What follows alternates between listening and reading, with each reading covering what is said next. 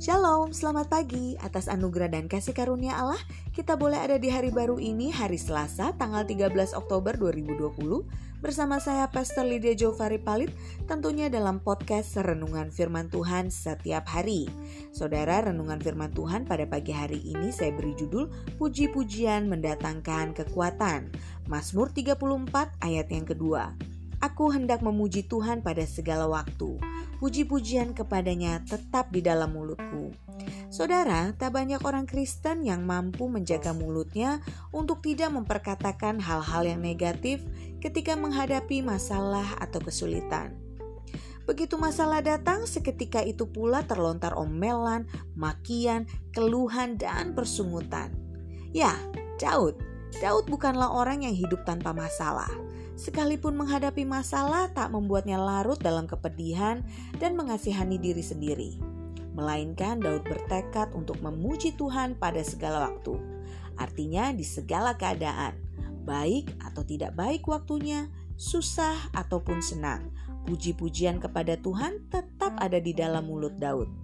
Puji-pujian bagi Tuhan adalah hal yang teramat penting bagi orang percaya. Ketahuilah saudara bahwa ketika kita memuji dan memuliakan Tuhan, kita sedang mengaplikasikan iman kita dalam perbuatan.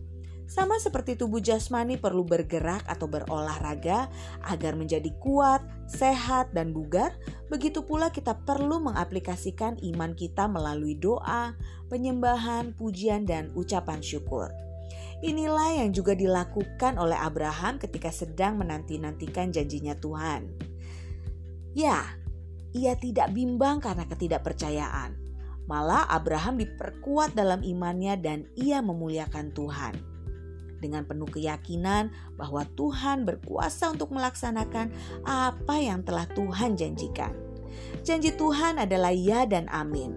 Tuhan tidak pernah ingkar dengan janjinya. Jadi jangan sekali-sekali merasa bimbang sebab jika kita bimbang sama artinya kita tidak percaya kepada Tuhan. Kebimbangan adalah lawan dari iman. Orang yang demikian janganlah mengira bahwa ia akan menerima sesuatu dari Tuhan. Kebimbangan ibarat tembok tebal yang menghalangi kita untuk dapat melihat pekerjaan Tuhan dinyatakan. Ya, secara akal Abraham punya alasan untuk tidak mempercayai janji Tuhan dan menjadi lemah.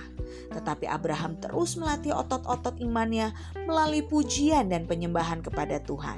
Akhirnya, Abraham pun mengalami penggenapan janji Tuhan sesuai dengan waktu Tuhan.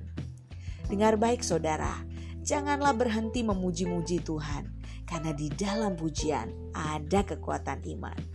Mulailah hari ini dengan membaca, mendengarkan, dan merenungkan firman Tuhan, serta hiduplah di dalam ketaatan dan sukacita Allah.